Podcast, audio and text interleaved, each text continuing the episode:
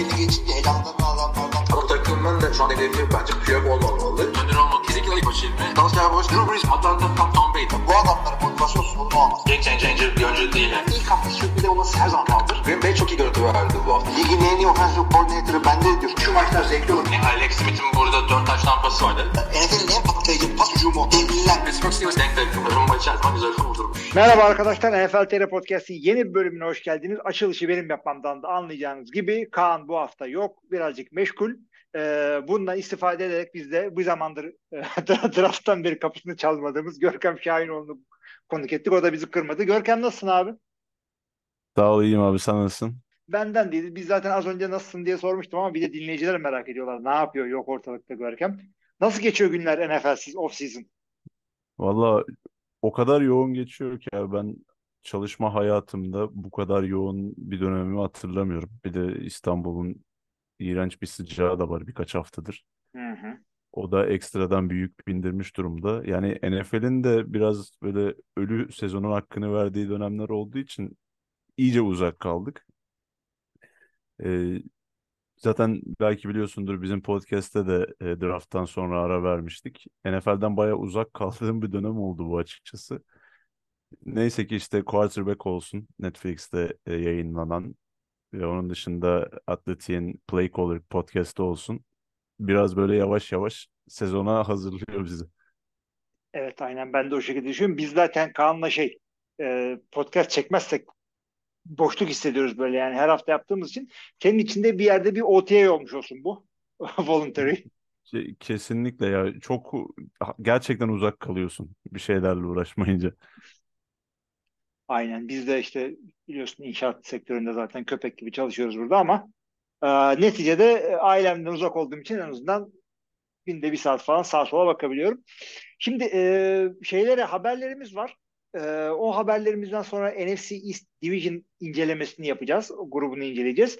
Ama önce okuduğum bir tane ilginç e, istatistik vardı onu sana söyleyeceğim. Tennessee Titans'ın koçu Mike Rabel biliyorsun.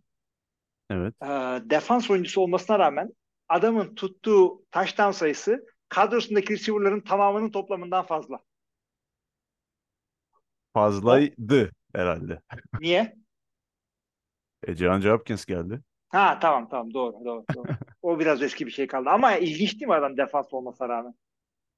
Evet ya o aslında o dönem çok da popüler değildi yani yakın geçmişte işte bir 10 yıllık 15 yıllık geçmişte böyle defans oyuncularının belli başlı pozisyonlarda işte red zone'un içerisinde özellikle hücumda kullanıldığını çok görmeye başladık. İşte J.J. Watt tight end olarak kullanılıyordu Houston'dayken özellikle onun yakaladığı touchdown pasları var. Onun yanı sıra işte bazı offensive line oyuncularını ya da defensive line oyuncularını oraya koyup e, eligible receiver olarak e, göstererek touchdown yaptırıyorlar. Kimisi işte fullback olarak dizilip yapıyor, running back olarak dizilip yapıyor. Ama Vrabel'ın döneminde bunlar daha azdı tabii. O açıdan gerçekten etkileyici bir istatistik olmuş. Ve Titans'ın Hopkins öncesi ne kadar rezil derecede bir e, receiver kadrosu olduğunu da gösteriyor. Evet. e, Hopkins'ten sonra tabii e, şeyi de düşünmek gerekiyor. Şu anda herhalde en kötüsü Green Bay olabilir. Onlar da takım toplamı olarak Mike Rabel'ın touchdown toplamıyla yarışıyorlar şu anda. Topu topu iki tane falan e, ikinci senesinde adam var. Üç tane. Ama Watson geçen sene bayağı tuttu ama ya. Özellikle Kız- fantezide de insanların yüzünü güldürmüştü. Ya bir, bir kısa süreli olarak güldürdü. E, son şakası da bir, bayağı sakatlık yaşadığı için bir ara bir 3 haftalık bir periyotta 6 tane taştan tuttu. O ara iyiydi. O, o oynamadan önce de Romeo diye bir tane onun kankası var. O birkaç tane güzel maç çıkardı. Yalnız toplam 16 maç birden bir arada güzel bir şey çıkarmaları gerekiyordu. Ee, giden Davante Adams'ın yerini doldurmak için olmadı. Mümkün değil. Ee, böyle bir şey oldu. Şimdi e, haberlerimiz var dedik. Hemen podcast grubumuzdan bakıyoruz. Podcast grubu derken e, Kaan'la WhatsApp'ta beraber bulunduğumuz 8000 tane gruptan sadece bir tanesi. Şimdi öncelikle en yakın haberden başlayalım.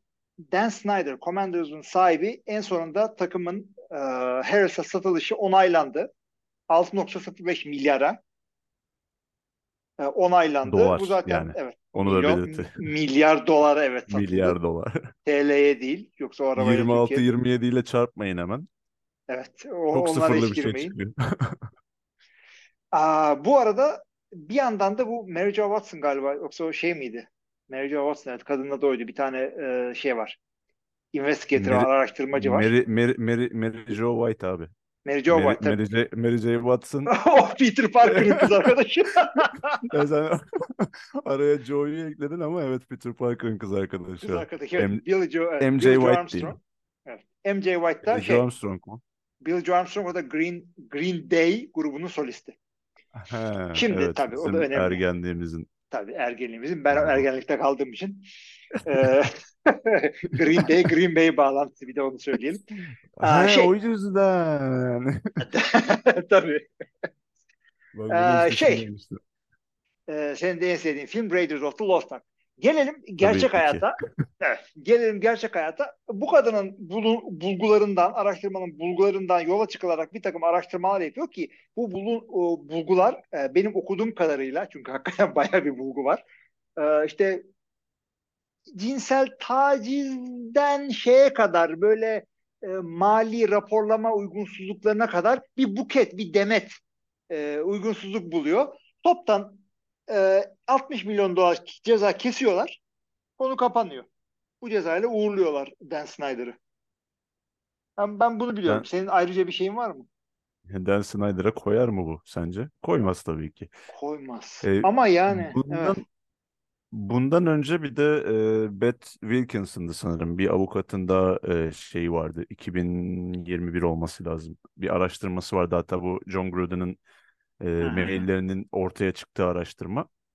Ben de o zamanlar ona e, biraz göz gezdirmiştim. Hani dediğin gibi bayağı uzun bir şey ve o kadar çok e, suçlamalar, o kadar farklı e, soruşturmalar, araştırmalar var ki yani cheerleaderların e, bazı zengin iş insanlarına e, çok özür diliyorum yani pazarlanmasından tut e, finansal olarak NFL'i aldatmaya yönelik yapılan bir takım faaliyetlere, işte iş yerindeki e, o hostile ortamı, e, toksik ortamı e, oluşturmak, yani oradaki çalışanlara e, kötü davranışlardan tut, e, cinsel tacizlere varan işte davranışlar ve sadece Dan Snyder değil, Dan Snyder'ın etrafındaki bazı insanlardan da bunların kaynaklanması.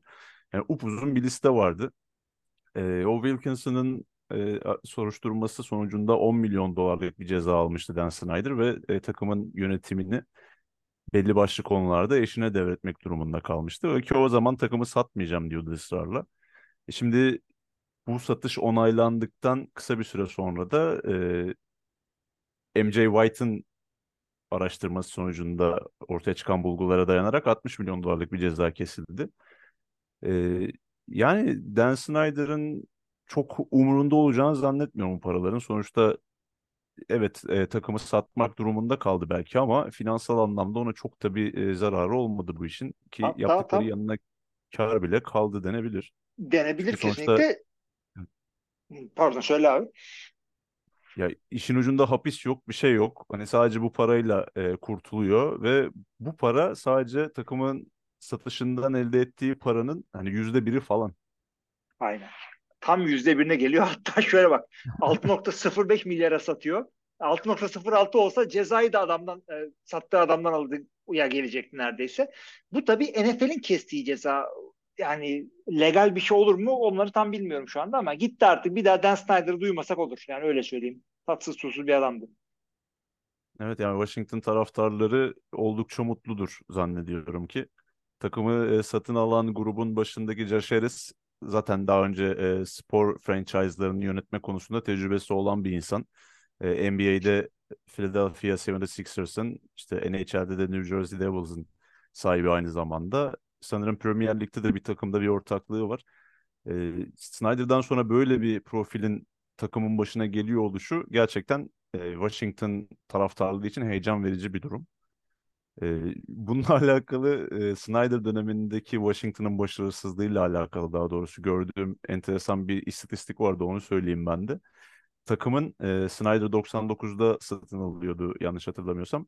E, bu 24 senelik süreçte sadece iki tane playoff galibiyeti var. Ama üç kere isim değiştirdi. Hmm. Evet. Yani ne, ne kadar başarılı bir franchise yönetimi sergilediğini buradan anlayabilirsiniz. Ee, şeyden de bu arada e, Washington'ın yeni bir isim değişikliğine gitme durumu var. Onu gördün mü? Evet, evet. Yani Magic Johnson'dan mı çıkmış bu onu tam net çok okumadım hani detayını bilmiyorum ama bu grubun içerisinde yer alan isimlerden birisi e, Magic Johnson eski Los Angeles Lakers efsanesi. O sanırım demiş hani yeniden bir rebranding olabilir diye. Hı hı. Ee, ben de öyle okudum. Önde giden isimlerden bir tanesi de e, Red Wolves'muş. Kızıl Kurtlar.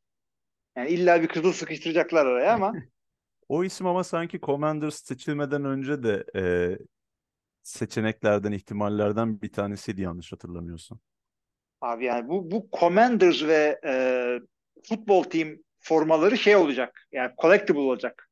Nasıl collectible'ın Türkçesi nedir? Böyle koleksiyon Koleksiyon ürünü. ürünü Yani olacak yani. koleksiyonerli, koleksiyonerler için değerli parçalar olur. Özellikle command, şey e, futbol team.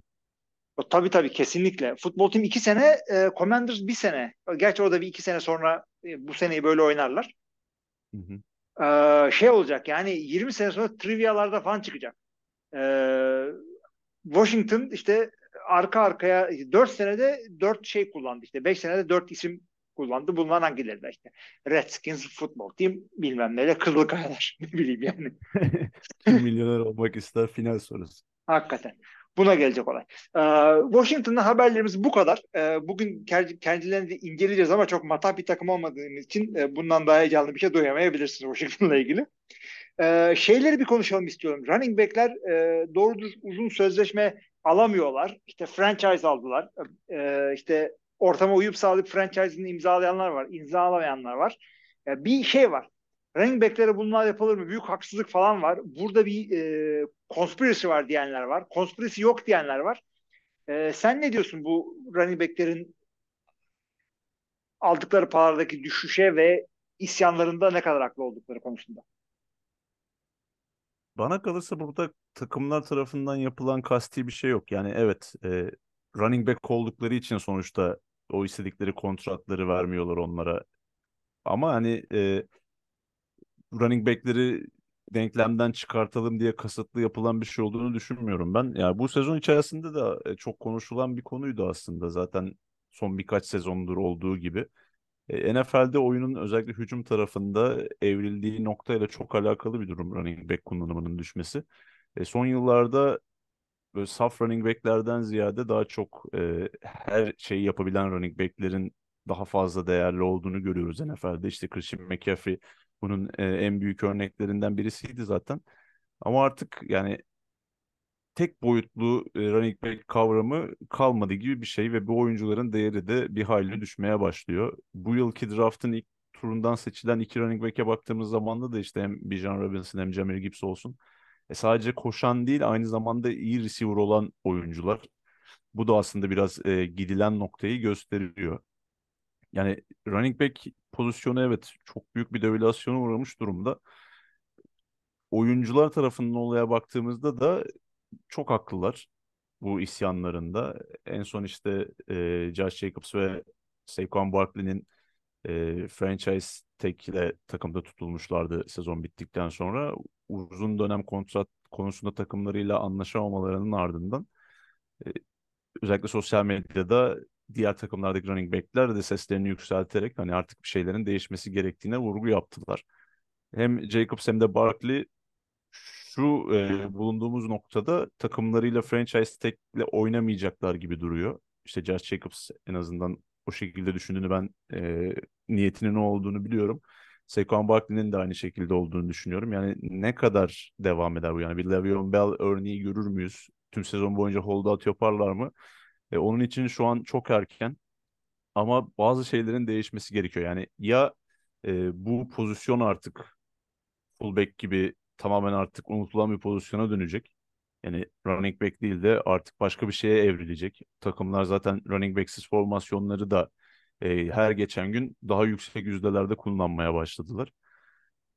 Ya da e, bu olaya bir çözüm getirmeleri gerekecek. Bununla alakalı Robert Griffin'in e, Robert Griffin III'ün sosyal medyada paylaştığı bir videoya denk gelmiştim. Gayet mantıklı bir önerileri var aslında. İşte iki tane şeye dikkat çekiyor. C, e, CBA'de şunları diretmesi lazım oyuncuların. Hani sadece running back'ler için değil, tüm oyuncular için. Çaylak kontratları 3 yıl olmalı ve e, franchise tag'le transition tag gibi tag'ler tamamen kaldırılmalı. Bu şekilde e, running back'ler hak ettiği paraları bir nebze de olsa kazanabilirler. Çünkü e, baktığın zaman işte birinci turdan draft edilen bir running back 5 yıl o takımda çaylak kontratıyla oynuyor. Üstüne bir de franchise tag'le takımda tutulunca ya 6 yıl zaten bir running back'in ömrü ne kadar? Prime zamanı zaten ilk yılları oluyor bu oyuncuların. Hani ikinci kontratı alma oranı çok düşüyor genel e, şey rakama vurduğumuz zaman. O nedenle e, Griffin'in bu önerileri bence çok mantıklı ama şöyle de bir durum var. Bir dahaki e, CBA anlaşması e, 2027'de falan yanılmıyorsam. Galiba. Evet o nedenle e, bir e, greve falan gidilmedikçe çok e, uygulanabilecek gibi de durmuyor. Valla seslerini ne kadar çıkardıkları burada çok önem var. Çünkü senin de söylediğin gibi bu CBA'yi e, pazarlığını yapan Players Association Oyuncular Birliği e, bütün oyuncular için. Yani o running backler oyuncuların kaçta kaçı. Çünkü e, o takım sahiplerinden alınan her türlü concession yani bir adım geri gidilmesi başka bir şeyden veriyorsun. Çünkü pazarlık bu. O zaman belki salary cap düşecek. O zaman belki emeklilik benefitleri işte güzel Türkçemiz. E, emeklilikte alacağın işte bir takım e, şeyler eline geçen kazanımlar bunlar bunlardan vererek yapacaklar. Bu bir pazarlık çünkü hakikaten masaya oturup yapıyorlar. Şimdi running backler e, o mevkinin kalkacağını falan zannetmiyorum ama tabii evrileceği konusunda katılıyorum ama illa ki running back diye bir şey olacak çünkü birilerinin koşması lazım. Her takımda Lamar Jackson yok. E, şimdi ama ne olacak? Ee, o liseden gelen atletler bu mevkiye gitmemeye çalışacaklar. Çünkü şu anda running back e, slash cornerback oynayan bir tane çocuk diyecek ki abi ben de cornerback'liğe geçiyorum. Abi bu running back'lik ne ya? Concussion geçiriyorsun. Aldığın para 3 milyon. 5 sene sonra da emekli oluyorsun. Deyip e, cornerback'likten çekilecekler. Bu beklenen bir şey. E, suni bir şey yapmalarını ben beklemiyorum ve hak, yani şey olmaz yani running back mevkiine özel korumalar getirelim falan. Bu olmaz. Buna ben de katılıyorum. O yüzden RG3'nin söylediği konu mantıklı. Çaylak sözleşmelerini kısarsın, e, tagleri kaldırırsın veya işte e, yani tagleri farklı birazcık daha başka kolay bir oyunculara bir takım kolaylıklar getirsin takım değiştirmelerine. E, ama neticede gerçek olan şu ki running backlerin e, ömrü hakikaten çok kısa. Özellikle e, her zaman ne diyorum ben?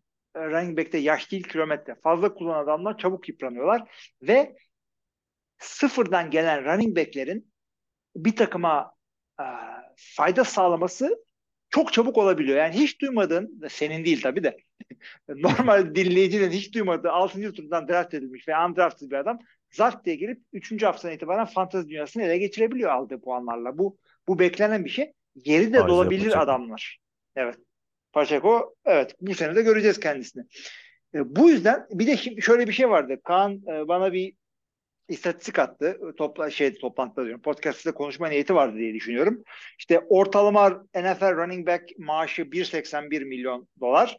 Ortalama kicker maaşı 2.26. Nasıl olur? Ha hı falan diye bir şey diyor. Ben dedim ki böyle bir şey olamaz dedim. Birazcık açtım baktım bu şey e, minimum alan e, undrafted adamları falan da sayarak yapılan bir ortalama. İşte halbuki e, starterları en, en çok kazanan 32 tane running back'in ortalamasını alırsan bu 6.2 milyon dolar. Yani hani rakamlarla kendini kandırma diye bir şey vardır ya bu birazcık öyle olmuş. Yani gitmek istediğin yere göre seçmişsin rakamları. Bu işte Yani istatistikleri eğip bükersin. Tabii tabii. Benim, benim ben çok sevdiğim bir laf var öyle. Ben mi icat ettim bilmiyorum ama son istatistik bükücü diyorum bunlara. Yani adam rakamlardan çıkıp da doğruya ulaşmak istemiyor. Ee, bir kar, bir şeye karar vermiş veya yıllar önce bir şey söylemiş ondan geri atmak istemiyor veya karşısındaki tartıştığı adamı e, yenmeye çalışıyor böyle. Ona öyle bir hırsı var onun katıldığı programda. Onu ona ulaşmak için rakamlara eğip büküyor. Biz öyle bir şey yapmıyoruz. Çünkü e, 43 yaşına geldim. Sen de yaşını aldın. Ne gereği var? Ee, tamam running back o zaman yapacak bir şey yok. Yani gönlümüz sizlerle sevgili running backler. Ee, grev yapın. Hiçbiriniz top taşımayın. Ee, Lamar Jackson'la Justin Fields koşsun. Ben ne diyeyim? Ya aşağıdan gelen bir tane running back bile bulamadığında o zaman anlayacaklar. Kızılderili atasözü gibi oldu. Hakikaten ben de ona gidecektim şimdi. Topun sadece pas atılabilen bir şey olmadığını o zaman anlayacak son bir yerde anlamadığında, son pass protection yapılmadığında, special teams'da sadece cornerback'ler kaldığında. Aa, evet evet. Tamam running back'lerden de o zaman yani gönlümüz sizlerle ama e, koşmazsanız koşmayın. E, Bizimle değilsiniz. bizim de değilsiniz yani. Koşan dostlar bizdir. E, şey dedik. Evet. Hmm. Biz biraz çok az da şeyden konuşalım. Sonra hemen geçelim NFL Division konuşmalarına. E, Kaan'la çok az Netflix dizisi belgeseli hatta quarterback üzerine konuştuk. E, o iki bölüm seyretmişti. Ben bir bölüm seyretmiştim. E, şimdi sen yedi bölüm seyretmişsin. Ben hala bir bölüm seyrettim ama izlenimini alalım. Ne aldı ne verdi senden yani seyrettiğine değdi mi ne durumdasın? İlk olarak şunu söylemem gerekiyor. Yani Türkçe altyazılı izledim ben ve çeviri inanılmaz kötü. E, bununla alakalı Netflix'e tweet falan atmayı da düşünüyordum hatta. Yani tamam bazı şeyleri e, olduğu gibi çevirmenizi anlıyorum. Yani herkes e, bizim kadar hakim olmayabilir bu spora. Ama yani en azından bir e, NFL'den anlayan, bu işi bilen birilerine e, çeviriyi yaptırsalardı ya da biraz onlardan destek alınsaydı diye düşünüyorum. Çünkü yani en basit terimleri bile olduğu gibi yani böyle biraz çeviri işinde şey de vardır yani olduğu gibi çevirmezsin. Biraz yorumunu katarsın. Yani çünkü direkt birebir aynı karşılığı vermeyebiliyor çoğu şey. O konuda çok sıkıntılıydı. Ee, bir de işte bu play isimlerini de çevirmişler. Yani o kadar zorlamaya da bir gerek yoktu Yapma. bence. Yani izliyorum böyle işte bilmem ne Navy işte do- donanma dem- diye çevirmiş. Bir sürü işte böyle bütün her şeyi çevirmişler. Ne diyor bunlar ya diyorum. Ne yazıyor burada? Abi şeyi nasıl çevirmişler? Ee, e, bozuk korna gibi bağırıyor e, Pat Mahomes. Ondan yapmışlar. Kermit gibi. Ya çoğunda lan diye çevirmişler ama e, bir tanesinde bayağı küfürü yazmışlar. Ona şaşırdım ben de gerçekten. Ama e, asıl mevzuya gelecek olursak yani e, serinin içeriğine dönecek olursak bence gayet başarılı bir iş. E, tabii bizim hani böyle çok sezon boyunca NFL'le yatıp kalkan insanların bilmediği bir şey görmüyorsunuz elbette ama yani zaten biz bilmediğimiz bir şeyi izleyelim diye de izlemiyoruz onu. Ee, öncelikle seçilen oyuncular bence gayet hani belli bir felsefe e, ya da nasıl diyeyim belli bir mantık çerçevesinde seçilmiş. İşte bir tane tartışmasız yıldız, bir tane tartışılan işte değeri değeri değeri tartışılan daha doğrusu ve bir tane de ikinci şansı bulmuş yeniden tutunmaya çalışan bir oyuncu. Yani üçü de böyle çok iyi oyuncu quarterback seçilseydi e, aynı şeyi vermezdi belki aynı tadı vermezdi. O nedenle hani farklı konumlardaki üç tane farklı quarterback'in e, gözünden odaklanması başarılı olmuş bana kalırsa. Bir de oyuncuların e, saha dışındaki aile hayatları mesela Kirk Cousins'ta bu çokça bahsediliyor. E, gösterilmesi yani biraz kameraların arkasında oyuncuların işte nasıl yaşadığı ya da karakterleri hakkında biraz ipucu verme noktasında başarılı buldum ben. E, biraz şeye benzetiyorum. Formula 1'in de e, Netflix'te bir, bu tarz bir belgeseli vardı Drive to Survive diye. Onda mesela ana odak tamamen bu sporu e, böyle üstün körü takip eden kişileri daha da bu spora çekmek. Bu da ona benzer e, minvalde bir yapım olmuş bana kalırsa. Ben de sana katılıyorum abi. Özellikle oyuncu seçimi konusunda Sam senin dediğin gibi yani e, en yukarıdan en aşağı starterlar arasında ama en yukarıdan en aşağı bir spektrum çizer, çizersen Pat Mahomes yukarıda işte Kirk Cousins oralarda bir yerde en aşağıda da Marcus Mariota vardı. O zaten starter olmayacak herhalde artık. Ee, Kirk Cousins da yani yarın emekli olsa adam underrated mi overrated mi hala bilmiyoruz. Yani o, o, o belli değil adamın ne olduğu. Ee, aynı şey gibi. Ryan Tannehill e, hala iyi kübü mi kötü kübü mi emekli olacak hala bilmiyoruz biz. Miami'de bilmiyorduk, Tennessee'de de bilmiyoruz. Şimdi ben ama Discord grubunda yazdığım gibi bir tane şey, e, bir tane çok ilginç veya çok controversial böyle tartışma konusu bir tane adamın da orada olmasını isterdim. Verdiğim örnekler de şeydi. E, emekli olmasaydı Ryan Fitzpatrick e, Evet, Aaron Rodgers kesinlikle öyle. Çünkü ya seveni çok seviyor, nefret edeni tam nefret ediyor adamlar. Öyle bir tip ve Bir de Rodgers'ın son birkaç senesi bayağı controversial ya. E, tabii tabii uyuşturucular mı kullanmıyor, bilmem neler mi, e, adam aşı karşıtı mı, UFO gördüm, Zodyak görmesi yaptım falan yani. E, hakikaten bu Joe Rogan tayfalarına falan katılmalar bilmem ne. O olabilir. Ryan Fitzpatrick'in ilginç bir adam olacağını düşünüyorum ben ama o e, takip edecek kadar iyi bir oyuncu değil. E, veya işte J-Cut'ta hep böyle şey iyi çocukları almışlar. Boy Scout'ları almışlar. Bir tane kötü adamı koyacaksın oraya. Çıkıp da tabii şey şimdi e, Aaron Hernandez'i işte adam olmadan önceki Michael koy demiyorum ama yani birazcık da şey koy işte yani reklam olduğu belli bunlar. En eli düzgün aile adamını koymuşlar. Yani e, beni koy bari. Yani Yani Kö Kirk Cousins zaten bildiğin dead olarak dolaşıyor yani. tabii canım. Yok işte e, maçlardan sonra basın toplantısında işte giydiği kıyafetleri soruyorlar. İşte bütün kıyafetlerimi eşim seçiyor. İşte salı günlerini kendime ayırıyorum. İşte okuyorum. Eşimle dolaşıyorum. Yani tam aile babası böyle tertemiz bir figür olarak koymuşlar onu oraya. Yani hakikaten ben de katılıyorum. Yani işte o yüzden benim senin de dediğin gibi e, senin benim çok bilmediğimiz şaşırtan bir şey değil ama birazcık işte e, geçtiğimiz sezonu hatırlıyoruz. Özellikle bir tanesi şampiyon olunca spoiler alert.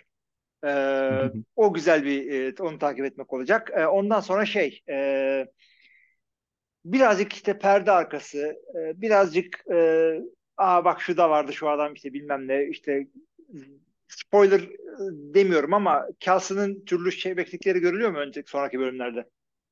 Yok o bak onu iyi söyledin. Benim e, dikkatimi çeken ve neden yok dediğim şeylerden bir tanesi o. Yani bu üç oyuncu o kadar çok odaklanılmış ki.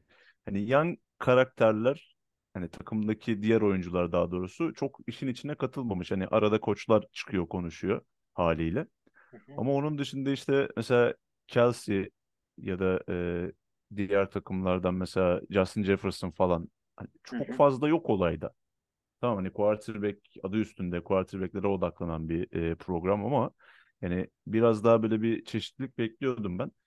E, bir de bunun ikinci sezonunun yayınlanacağı da kesinleşti. Netflix sonunda onaylamış. Hı hı. Orada daha farklı bir şey görebiliriz. Çünkü e, bu sezonda her bölüm yani sen de izleyince dikkatini çekecektir mutlaka.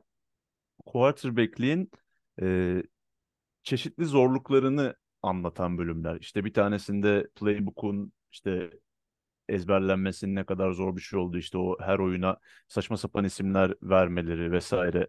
Onlar anlatıyor. İşte bir bölümde bir quarterback'in fiziksel olarak yaşadığı e, zorluklar işte ne kadar dayanıklı olmaları gerektiği hem fiziksel hem zihinsel olarak. Yani quarterback'liği tanımlayan bir e, seri şu an. Ancak her sezon aynı konular üzerinden ilerlemeyecektir illaki. O nedenle e, ikinci sezonda falan ya da devam ederse üçüncü sezonda daha da derinleştiğini, daha böyle kamera arkası şeyleri gördüğümüzü e, hayal edebiliyorum. Ben de az çok öyle düşünüyorum. Ama yani ricam şu olacaktır Netflix'ten bizi dinliyorlarsa önce şu e, altyazıyı düzeltmek kadar olmamış öyle. E, ikincisi de şu e, yani şu Josh Allen e, işte Justin Herbert, Joe Burrow üçlüsünden sadece birini alın. Tamam birini alacaksınız biliyoruz. Çünkü o, o sınıftan biri daha gelecek ama diğerlerini birazcık daha ilginç adamlardan seçmenizi hakikaten rica ediyoruz. E, bir tane azınlık illaki bulundurmanız gerekiyor. E, onun dışında bir taneyi rica ediyoruz. Üçünden bir tanesini bize verin. Yani Rodgers olmasın tamam hadi ben taraftarım. Rodgers'ı koy bir kenara. Ama zaten o e, Discord'da da onu yazdım. O kapıdan içeri sokmaz öyle tipleri. Netflix'ten yürüyün lan diye yollar. E, ama yani kim olabilir? Peki ilginç bir tip olarak Jay Cutler da gitti. E, ya Justin Fields hep geliyor benim aklıma. Yani ne kadar ilginç bir tip olduğu tartışılır ama yani o e, spektrumun altındaki quarterback olarak e, hem kendini ispatlamaya çalışıyor hala hem işte forması hala tehlikede olabilir. Yani tamam Chicago Bears ona güvenip birinci sırayı takas etti falan ama yani bir, bir kötü sezona daha bakar bu işler. O açıdan hani o enteresan bir oyuncu olacak gibi duruyor. Çünkü Chicago yani be- baskının da çok yüksek olduğu bir şehir. E, Aaron Rodgers'ın olmayacağı konusunda sana katılıyorum. Çünkü e, New York Jets de bunu istemeyecektir. Hard Knocks'ı zorla adamlara Evet. verdiler bu yıl. Zaten çok gönüllü değillerdi. Bir de Hard Knocks'ın üstüne bir e, farklı diziyi daha kabul edeceklerini hiç zannetmiyorum. E, Deshaun Watson mesela enteresan olabilirdi. Mesela e, oyun kurucuların işte o masaj seansları, işte rehabilite seansları, yenilenme seansları falan gösteriliyor.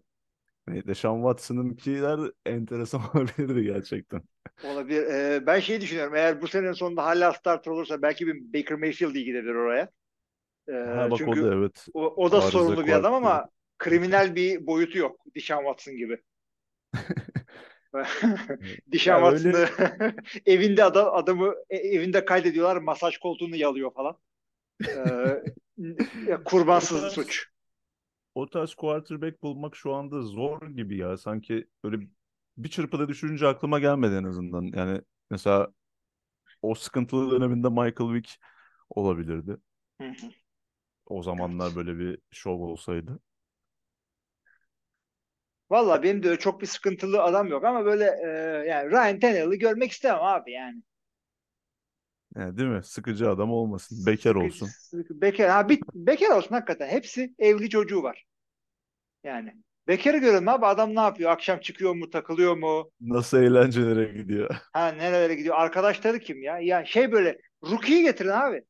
Rookie'yi getir böyle adam playbook'u öğreneyim diyor. Rookie sempozyumuna gidiyor. Birazcık da rookie'lerin hayatına ışık tutmuş He, bak o, o, o gerçekten çok mantıklı bir fikir. Yani ikinci sezonda bir tane çaylak quarterback Aynen. olabilir aslında. Şu USC'ninkini koysunlar. Seyirci de USC'ninkini. çeker. Ha, o üçüncü sezon olursa o, o olur ya. Bu, O bu draft yıl olmayacak draft mı? edilen bu yıl draft edilmiş quarterback'lere bakmak lazım. Yani önümüzdeki Ee, sezonu anlatacak ya. Quinn geliyor mu? Quinn mi? Neydi Texas'ın QB'sinin adı? Kimin? Packers'ın mı? Yok Texas, Texas. He, Texas şey Qu- Quinn Ewers. Aha. Da şey bu bu yılki draft edilen quarterback'lerden olacak ama. Hayır, ben Yani kaydı kaydı sonraki sezon yaparlar diye öyle düşündüm. Tabii bu yılkilerden ha, birini alacaksan çabuk başlamak lazım. Çünkü training camp başlıyor. E o zaman tabii Bryce Young'ı alırsın. Hem yani Anthony Richardson da serilir ha. evet Anthony Richardson daha bile ilgi çekici Evet. olabilir Evet, aslında. evet, evet, evet. Zenci Tibo. Güzel. Ee, o zaman ufak bir molaya geçip division'lara girelim diyorum uyarsa sana. Tabii. Hemen kapatıyoruz o zaman. Evet arkadaşlar moladan döndük. Bizim için bir 5-6 dakika sürdü. Sizin için bir saniye gibi bir şey olmuş olması lazım. Hemen NFL Division incelemelerinde sıradaki Division'a geçiyoruz. NFC East, NFC Doğu grubu. Buradaki takımlar bildiğiniz gibi Dallas Cowboys, New York Giants, Philadelphia Eagles ve Washington artık ne olacaksa önümüzdeki senelerde. Washington şu anda Commanders en azından onu söyleyeyim. Ee, ne diyorsun? Biz takım seçmek için Kaan'ın ilginç bir yöntemi var ama bana ne olduğunu söylemiyor. O yüzden burada sana soracağız. Ee, hangisinden başlayalım? Öncelikle NFL'in en elit grubu desek çok da yanlış olmaz herhalde burası için. Yani zamanda çok ibişlikleri oldu ama NFC South'tan sonra bu sene birazcık eli yüzü düzgün bir Ya e- yaptılar. e- eli- elit, elitlikten kastım aslında şey değil ya böyle e, toplumsal olarak elit e, Hmm, şeyini düşün, sıfatını düşün. Yani burada da hepsi böyle kendilerine has gururları olan böyle enteresan bir grup ve e, taraftar olarak da mesela e, şeyin büyük yüzdesini oluşturan o işte NFL gelirlerinin tabii tabii e, muhakkak. reytinglerin vesaire büyük yüzdesini oluşturan bir grup burası aslında. Yani burası iyi olduğu zaman bayağı NFL'de şenlik oluyor. Geçtiğimiz sezon buna bir örnekti. Yani az kalsın Commanders bile playoff'a kalıyordu. Gerçekten de senin de söylediğin gibi 8-8 Eagles değil mi? evet aynı 8-8 bir, bir şekilde ne losing ne winning olmayı becerdiler 17 maçlık sezonda. Ee, diğerlerinkini de söyleyelim madem. Eagles 14-3 ile e, yani hem division'ı kazandı hem Super Bowl çıktı. Cowboys 12-5 şeye çıktı. Playoff'a çıktı. Bir maç kazandılar. New York Giants 9-7 ile playoff'a çıktı. Yani neticede İbiş dediğimiz takım e, division'dan losing takım çıkmadı. Önümüzdeki sezonda konuşacağız ama. Evet ne diyorsun? Hangi E, takımdan başlayalım? O zaman direkt şeyden başlayalım ya. Eagles'tan başlayalım. Super Bowl mağlubu takımla. Evet Başarı oradan başlayalım. göre gidelim yani. Başarı sırasına gidelim. Geçen sene NFL TR Podcast'te e, takip ettiğiniz tren takımlarından bir tanesiydi. O trenle Super Bowl'a kadar gitti Philadelphia Eagles. E, dinamik quarterbackleri, oyun kurucuları e, Jalen Hurts ondan sonra en iyi yani ligin en iyi receiver ekiplerinden ikisi olan A.J. Brown'la Devonta Smith e, ve etkili bir savunmayla ve head coachları Nick Sirianni'yle Super Bowl'a kadar çıktılar. Şimdi e, biz burada genelde mevkilerden gidiyoruz. Jalen Hurts için ne düşünüyorsun? Önümüzdeki sezon hala yukarı çıkacak yeri var mı yoksa bu adam yerini buldu mu? Jalen Hurts'un son iki yılda özellikle gösterdiği gelişim takdire şayan tabii ki. Yani muazzam bir gelişim. Birçok kişinin beklemediği bir gelişim gösterdi. Yani tamamen potansiyeline ulaştı mı diye soracak olursan ulaşmadı bence. Çünkü daha hala oyununda e, geliştirmesi gereken çok fazla e, nokta var. Yani geçen yıl neredeyse bir MVP performansı gösterdi ve Super Bowl'u da kazandırıyordu neredeyse takımını. Ama bu hala tam anlamıyla olmuş bir e, Jalen Hurts değil bana kalırsa. Çünkü e, geçtiğimiz yılki başarısının altında yatan temel neden yani kendi gelişimi ve yetenek setinin yanı sıra onun yetenek setine çok uygun bir sistemde oynamış olmasıyla da alakalıydı. Şimdi e, o hücumun e, koordinatörü takımdan ayrıldı. Neyse ki e, onun yerine getirdikleri Brian Johnson kendisinin quarterback koçuydu. Yani o sistem içerisinden bir e, hücum koordinatörüyle devam etmiş olmaları en azından sistemin aynı şekilde devam edeceğini gösteriyor bize. Ama sistemin devam edecek olması aynı şekilde verim alabilecekleri demek olmayacak. Çünkü artık e, NFL'deki diğer 30, 31 takım Philadelphia Eagles'ın hücumda ne oynadığını az çok çözmüş durumda. Ve buna karşı e, önlemler almaları için koca bir off-season'ları oldu. Philadelphia Eagles'ın aynı ya da benzer başarıyı gösterebilmeye devam etmesi için e, oyunlarına hücum anlamında daha farklı şeyler de katmaları gerekiyor. Jalen Hurts'un geçtiğimiz yıl başarılı oluşunun e, temeli aslında o option oyununu çok iyi oynamış olmalarıydı. E, zaten senin de bahsettiğin gibi çok iyi receiver'lara sahipler ve e, çok da iyi bir koşu hücumuna sahiplerdi. O koşu hücumunun e, her ne kadar Miles Sanders takımı running back'i takımdan ayrılmış olsa da e, yine aşağı yukarı benzer seviyelerde devam etmesini bekleyebiliriz. Çünkü DeAndre Swift geldi. İşte Kenneth Gainwell zaten e, takımdaydı. İşte Rashad Penny'yi getirdiler. O da sağlıklı kalabilirse yine e, verim verebilecek bir running back. Burada e, kilit nokta Jalen Hurts'un e, oyununu ne kadar farklı bir noktaya evriltebileceği olacak. Çünkü e, artık daha fazla e, savunmaları okuması gerekeceği, coverage'ları daha net anlayabilmesi gerekeceği noktalara gelecek. Çünkü sadece artık option koşullarla belli bir pozisyon hazırlayıp işte bir play action'da AJ Brown'a atayım savunma oyunca işte sonraki play action'da yine savunma oyunca Devonta Smith'e atayım şeklinde bir sezon daha götürebileceklerini en azından bu başarı seviyesinde götürebileceklerini düşünmüyorum. Burada artık Jalen Hurts'un biraz daha e, kendi quarterback yeteneklerini bağımsız bir şekilde sergilemesi gereken anlar olacaktır. E bana kalırsa bu noktada da kendisini geliştirebilecek bir quarterback. E, yine başarılı bir sezon bekliyorum ben ondan.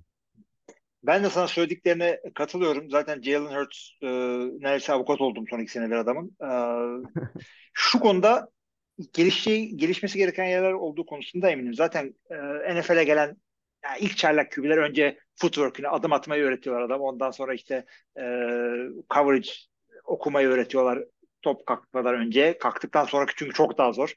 Ee, onları falan öğrenmesi gerekiyor. İşte release'ini düzeltmesi gerekiyor. Bir sürü bir şey yapması gerekiyor. Çok yol aldı hakikaten. Eksiklikleri vardı. Sahanın ortasında çok iyi oynayamıyordu. Onu toparladı geçtiğimiz sezon. Ee, ve şundan sonra özellikle yine nispeten genç olan bir oyun kurucunun e, başarıyı az çok yakaladığı bir sistemi devam ettirmek ile senin de dediğin gibi e, rakiplerin uyanmasından dolayı evrilmek zorunda olan bir sistem arasındaki dengeyi iyi yakalamaları gerekiyor. Coaching staff'ın burada, hücum koçların. Son derece katılıyorum sana. Ee, bir yerden sonra zaten Jalen Hurts'un tam takımın lideri, takımın işte her şeyi bu tamam ama bir Peyton Manning seviyesinde hücumu eline almış değil yani artık ben yapmıyorum şeyi yani yemeği sen yapmıyorsun. E, hala koç önüne koyuyor sen onu yiyorsun. Ama hatırla Peyton Manning yani ikinci, üçüncü sezonundan itibaren oydu zaten bir yerden sonra sen oyunu söylüyorsun ondan sonra tamam bana bırak diyor. Ben de o gerisi falan diyor. Öyle bir şeydi. Yani o seviyeye gelir gelmez ya kim gelir zaten ki ama e, hücumun sahibi olma, hücumun yönetmeni olma seviyesini arttırması gerekiyor. Ve e, her geçen sezon e, birazcık daha sistemle yani tam playbooklar değişir ama e, sistemin temel e, temellerine, fundamentallarına hakim oldukça birazcık daha rahatlayacak. Birazcık daha yani artık şey nasıl söyleyeyim gazla frenin yerini iyi öğrenince artık aynalara bakmaya ayağına bakmazsın. Yukarı bakarsın ya onun gibi. Daha hakim oldu, daha rahat, daha hızlanacağını e, ben de düşünüyorum. E, ya, madem şeylere girdik, skill position'lara girdik onları da söyleyelim tam olarak arkadaşlara. E, receiver'larda A.J. Brown'la Devonta Smith artık biliyorsunuz onları. Yedekleri çok önemli değil. İşte Quez Watkins'lar, Olamide Zackers'lar falan dolanıyor ortalıkta. Ama running back e, ilginç bir şekilde süperstar diyecek adam yok ama son derece derin bir e, running back kadrosu var. Yani hepsini e, veteran olarak sağda solda gördüğünüz DeAndre Swift, e, Rashad Penny, e, Boston Scott, Trey Sermon gibi adamlar var. Kenneth ben, e, kendi çocukları, kendi draftları 21. E, pardon 2021 sezonunda draft ettiler. İlginç kalabalık ve bütün e, yani Philadelphia'nın beklediği uzun sezonu kaldıracak bir kadroları var burada. Line'da da e, yani bu division'ın en sağlam line'larından biri ki e, Dallas'ın olduğu division'da bunu söylemek her zaman kolay bir şey değildir. İki tackle'ları Jordan Mailata ve e, Lane Johnson çok kaliteli. Jason Kelsey yani emekli olayım mı olmayacağım olmayayım mı yaşlarında olmasına rağmen yine center'lığın zirvesinde. Bu takımın hücumuyla ilgili benim bir sıkıntım yok. E, sen ne diyorsun genel olarak hücuma? Genel olarak hücumun yine benzer şekilde başarılı olmasını bekliyorum ben zaten. Ee, Jalen Hurts geçtiğimiz yıl gösterdiği performansla artık e, güncel quarterback listelerinde işte ilk 5 quarterback arasında yazılan bir oyuncu oldu. Yani quarterback'iniz iyiyse zaten e, hücumunuz belli bir seviyenin üzerinde oluyor. Kaldı ki Philadelphia Eagles'ın hem skill position'daki oyuncuları hem de offensive line'ı özellikle offensive line'ı geçtiğimiz yıl ligin en iyilerinden bir tanesiydi. Ve bu offensive line'ı büyük oranda bir ara tutmayı da başardılar. Bu da e, önemli bir artı sezona girerken. Burada sadece Isaac Seumalo e, free agency'de takımdan ayrıldı. Onun yerine e, bir önceki yıl ikinci turdan draft ettikleri ve e, nihayetinde Jason Kelsey'nin yerini almasını bekledikleri center Cam Jurgens mi yoksa bu yılın üçüncü turunu draft ettikleri Tyler Steen mi e, sağ guard'da oynayacak? O henüz belli değil ama burada da yani sürekli geleceği planlayan bir franchise konumunda Philadelphia Eagles. Howie Roseman bunu ligde en iyi yapan genel menajerlerden bir tanesi gerçekten. Ee, oradaki bir oyuncunun eksiğini kapatabilecek birkaç tane oyuncuya sahip olmaları da ekstradan bir avantaj. Ee, hücum takımının senin de bahsettiğin gibi çok zorlanmasını beklemiyorum ben. Hı hı. Ee, bu arada demin yani ortaya getirdiğin sorunla ilgili Tyler Steen'in guard olarak çıkması projekt ediliyor sağda solda ama senin dediğin gibi training camp'te belli olur bu artık. Şu anda ona girmeyelim. Savunmaya geldiğimizde kısaca playmaker yani, yani başka takımlarda olmayacak yetenekte adamlar var burada. Ee, yaşlı kurt Fletcher Cox'un yanına Jalen Carter'ı draft ettiler e, line, savunma line'ın ortasına. Pass rush'ta e, yani süperstar demeyelim de yine solid adamlar var, sağlam adamlar var. Josh Sweat'le Brandon Graham. Ee, geri linebacker'da Hasan Reddick gayet sağlam. Defensive back'leri gayet iyi. Özellikle cornerback'leri Darius Slay ile James Bradbury çok sağlam adamlar.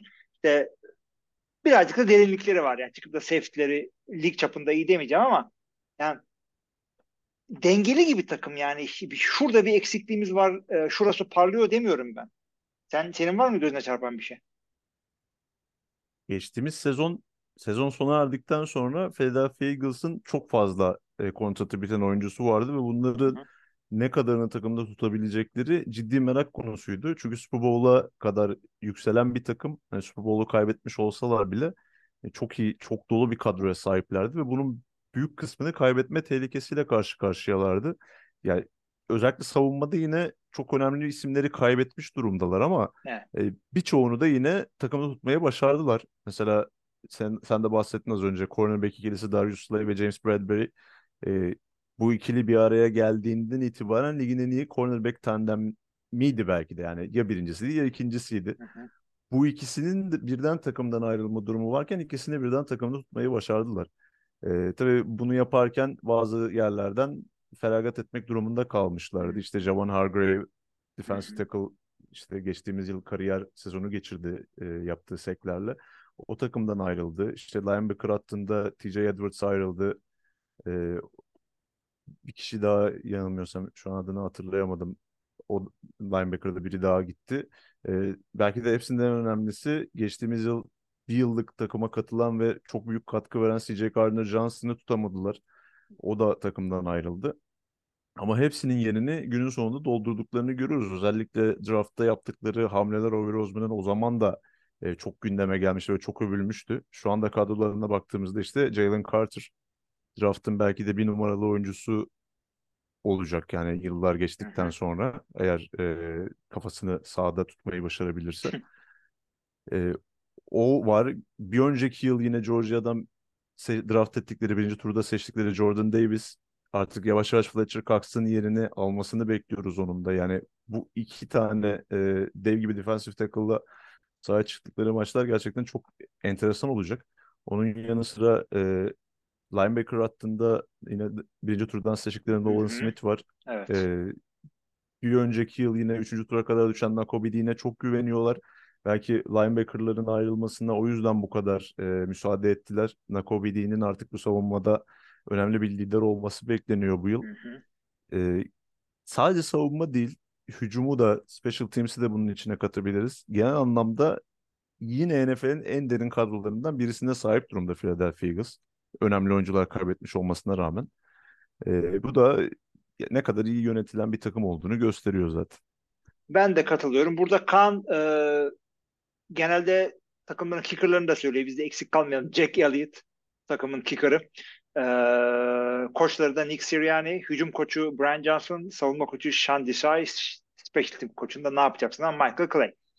E, burada biz genelde bir de sezon tahmini alıyoruz. E, ben birinde ben önce söylüyorum, birinde sen yapalım. Ben Philadelphia'nın aynı şekilde devam edebileceğini düşünmüyorum. On, çok özel bir e, sezondu geçen sezon.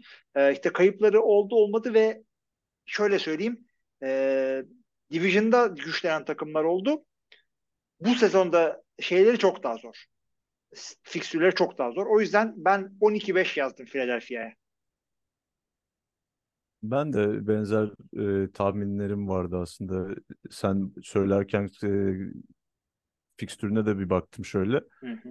E, bu yıl Kansas City maçları var, Buffalo maçları var. Zaten e, NFC West ve AFC East ile oynayacaklar. AFC East artık o eski Ibish Division değil. Hatta takımlar yer değiştirdi. Ibish Patriots şu anda orada. Evet, gerçekten. Yani Miami'si, Jets'i bayağı Buffalo'yu zaten e, saymıyorum bile. Bayağı zor gruplarla oynayacaklar. Ee, yani 14 galibiyet tekrar edilmesi zor. Ben de 12-13 arasındayım ama 13 diyeceğim sanırım. 13-3. Evet arkadaşlar Philadelphia defterini kapattıktan sonra e, kalan 3 takımdan birini daha seçmenizi rica ediyoruz. Ben mi seçiyorum? Sen seç sen ya.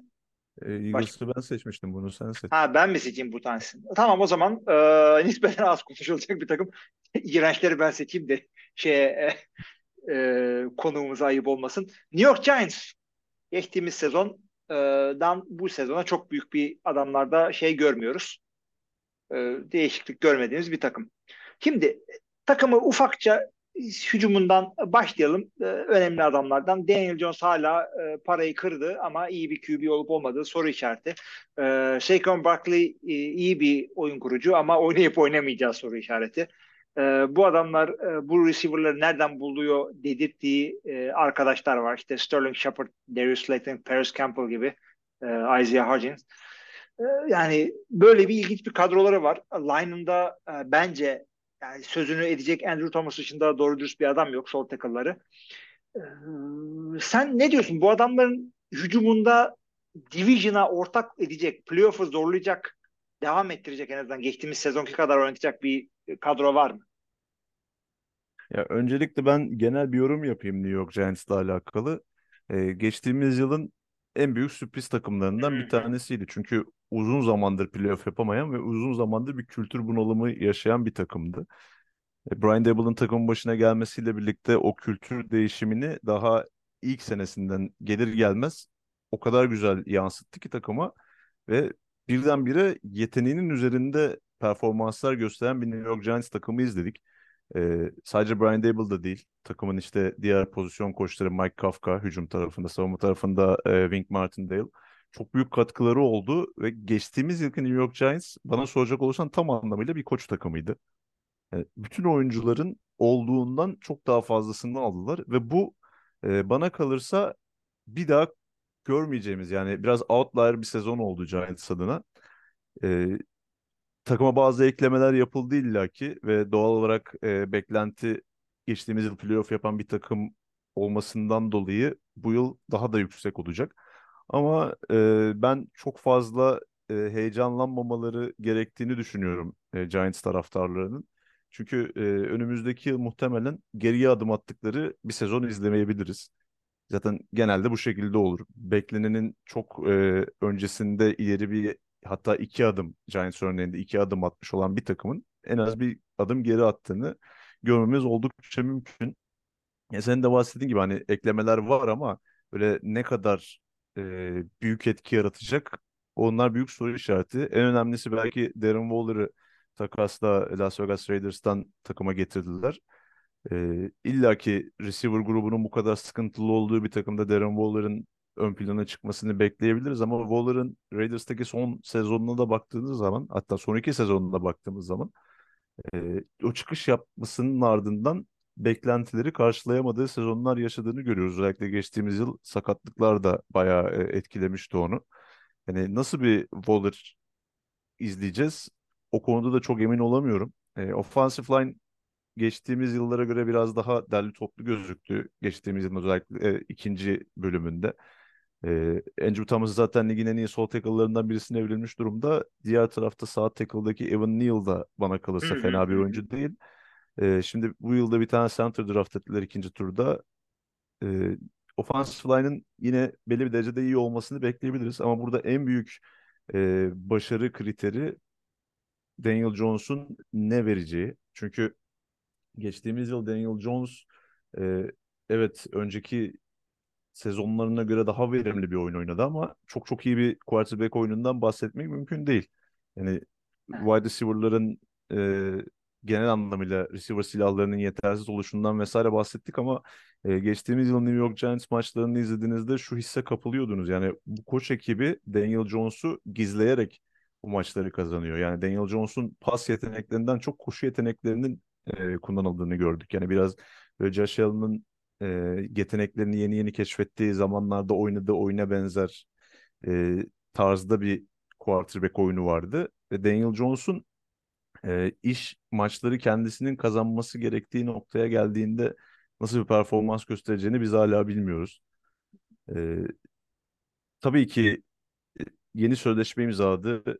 E, New York Giants'ın buradaki bakış açısını da anlayabiliyorum. Sonuçta e, her ne kadar burada süperstar bir quarterback'ten bahsetmiyor olsak bile bu seviyedeki bir quarterback'i bulmak bile zor olabiliyor. O nedenle hani belli bir başarıyı yakalamış kadroyu bir arada tutmayı tercih ettiler.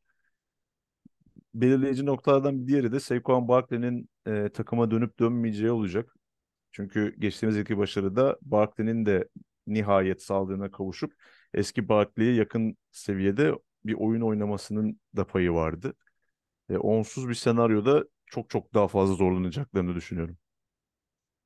Ona ben de katılıyorum. Çünkü yani Saquon Barkley yeteneğiyle takımın diğer pozisyonlarındaki özellikle skill pozisyonlardaki soru işaretlerini e, kapatabilecek bir adam ama o olmazsa yani peşinden Matt Brada'ya falan nereye kadar gidecekleri hakikaten e, ben çok iyimser bakamıyorum buna. Ya şu haliyle bile tamam bir şeyler ekledi. Her takım draft yapıyor. Her takım oyuncu ekliyor. Şunu yapıyor bir ama diğer adamlar yaşlanıyor falan filan. O yüzden e, bunlar Division'da öne çıkmak için ne yaptılar? Şu şunu yaptılar. Ha şunla şimdi yapacaklar e, diyebildiğim bir hamlelerini görmedim hücumda açıkçası.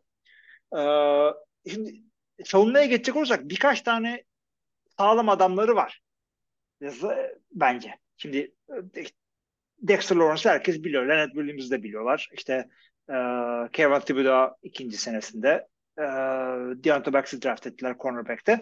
Yani adamları var. Yok değil. Adore Jackson hala bu takımda ama yani domine edecek bir savunma görmüyorum burada. Çünkü New York gibi yani az önce izlediğimiz profildeki bir hücumu dengeleyen hatta yeri geldiğinde maçı alıp koparan sağlam bir savunma olur bu tip takımlarda. Çünkü e, Eli Manning'li New York hücumu yani hücumla iki tane Super Bowl kazanmadı.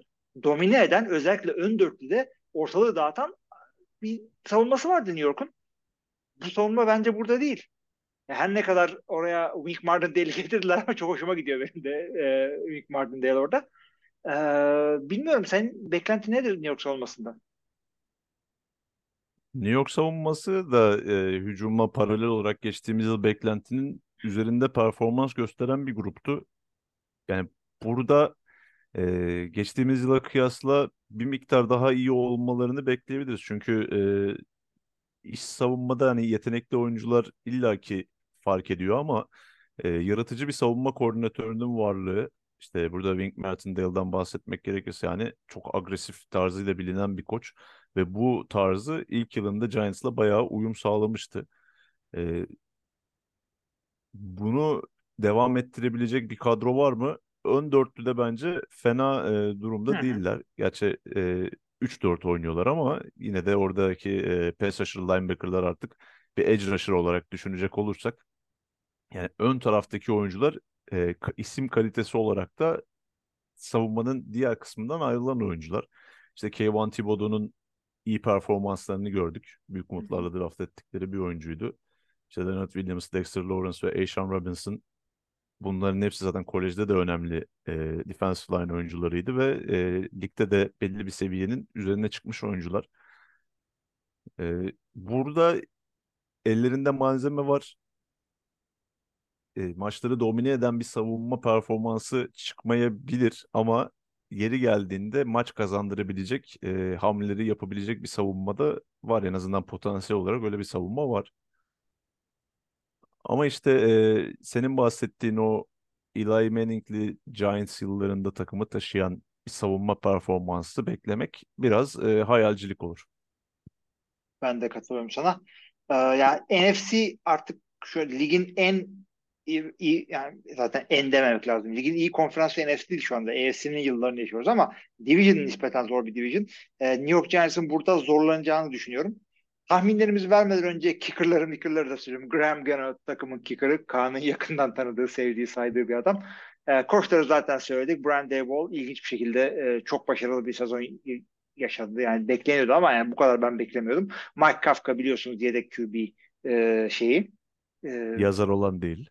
Evet o değil. Don Wink Martindale de bu arada adamın lakabının Wink Martindale olması şeyden dolayı. Wink Martindale diye bir tane aktör mü komedyen böyle bir şey var. Ee, ondan alıyor lakabını Don Martindale. Ee, o da, adamın adı Wink değil yani. yok adamın adı Don Martindale ama herkes tabii ki de Wink diye biliyor. Ee, şey de e, special team koçu da Thomas McGahey yazılıyor. Allah bilir öyle okumuyordur ama. Aa, ne diyorsun Giants için? Geçtiğimiz sezon 9-8'de playoff yaptılar. Tahmini senden alıyorum. Evet, ben geri adım atmalarını bekliyorum dedim zaten. 7-10 diyorum. 7-10. Ben de 8-9 vermişim. Çok kıyamamışım. Ama bir farkla gidiyoruz. Zaten genelde çok fazla tahminler e, şaşmıyor. Evet. Ee, hemen devam edelim. Ee, kalan iki takım arasından e, Cowboylarla Kızılderililer arasından e, bir tanesini seç. Yani şimdi Kızılderili kalmadı. Kalmadı artık yüzden, da. Evet. o, o yüzden Cowboys'tan devam edelim. Cowboys'dan devam edelim. İş takımları sen seçiyorsun. Aynen. Çok sağ ol be. Misafir bulduğunu değil.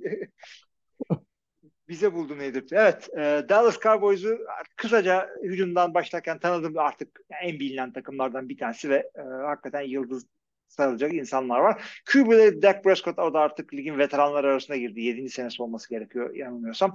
Running back'lerde Ezekiel Elliott takımdan ayrıldı. Tony Pollard onun yerinde şu anda görev yapacak.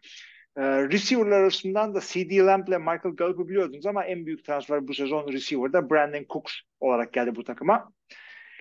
E, line'e de ufak değinelim. Eski yılların böyle bildiğiniz Dallas'ın beşi bir yerde muhteşem e, line'ı herkesin üstünden geçen değil ama hala bir takım e, marquee çok kaliteli adamlar var. E, Zach Martin hala ligin belki en iyi e, gardı. Tyron Smith çok sağlam bir sol tackle. Ona da destek yaptılar işte e, geçtiğimiz yıllardaki draftlarıyla diyelim. Tight endlerin kim olduğu e, hakikaten açıp bakmak gerekecek bir ekip var şu anda orada. E, ne diyorsun Görkem? Bu takımın hücumu e, head coachları Mark McCarthy'nin e, yani istediği şekilde oynayabilecek mi?